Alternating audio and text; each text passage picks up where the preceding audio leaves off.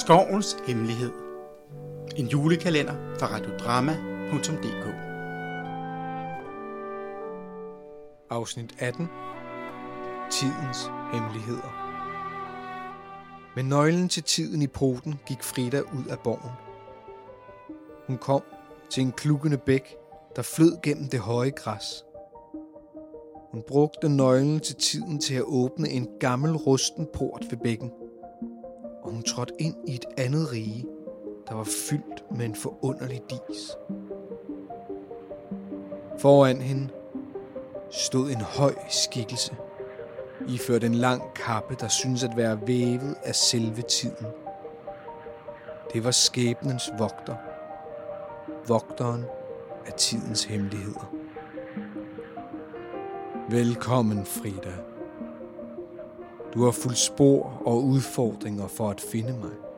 Og nu står du ved tærsklen til tidens hemmeligheder, sagde skikkelsen. Tid er som en flod, der strømmer gennem alle ting. For at fortsætte din rejse, skal du rejse tilbage i tiden og opleve de øjeblikke, som har formet skoven og dens væsener. Han gav Frida et timeglas – det kunne hun bruge til at rejse tilbage i tiden. Frida vendte timeglasset, og øjeblikket blev fyldt med hvide stråler, der omgav hende som en vivlende tornado. Da hun trådte ud af togen, befandt hun sig pludselig i fortiden. Skoven så anderledes ud, og træerne var mindre, men hun kunne genkende de steder og væsener, hun havde mødt.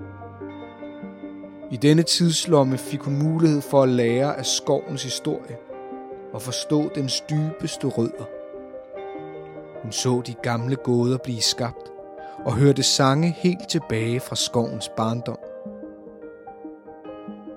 Efter sin rejse tilbage i tid, vendte Frida tilbage til skæbnens vogter med en dybere forståelse af skoven og dens betydning for de skabninger, der boede i den.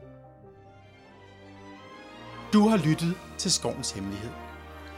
En julekalender fra radiodrama.dk Skuespiller Christoffer Helmut. Historien er udviklet digitalt via en chatrobot. Herefter har dramatiker Morten Ågård redigeret og sammensat den endelige fortælling. Optagelse Kia Lundsgaard.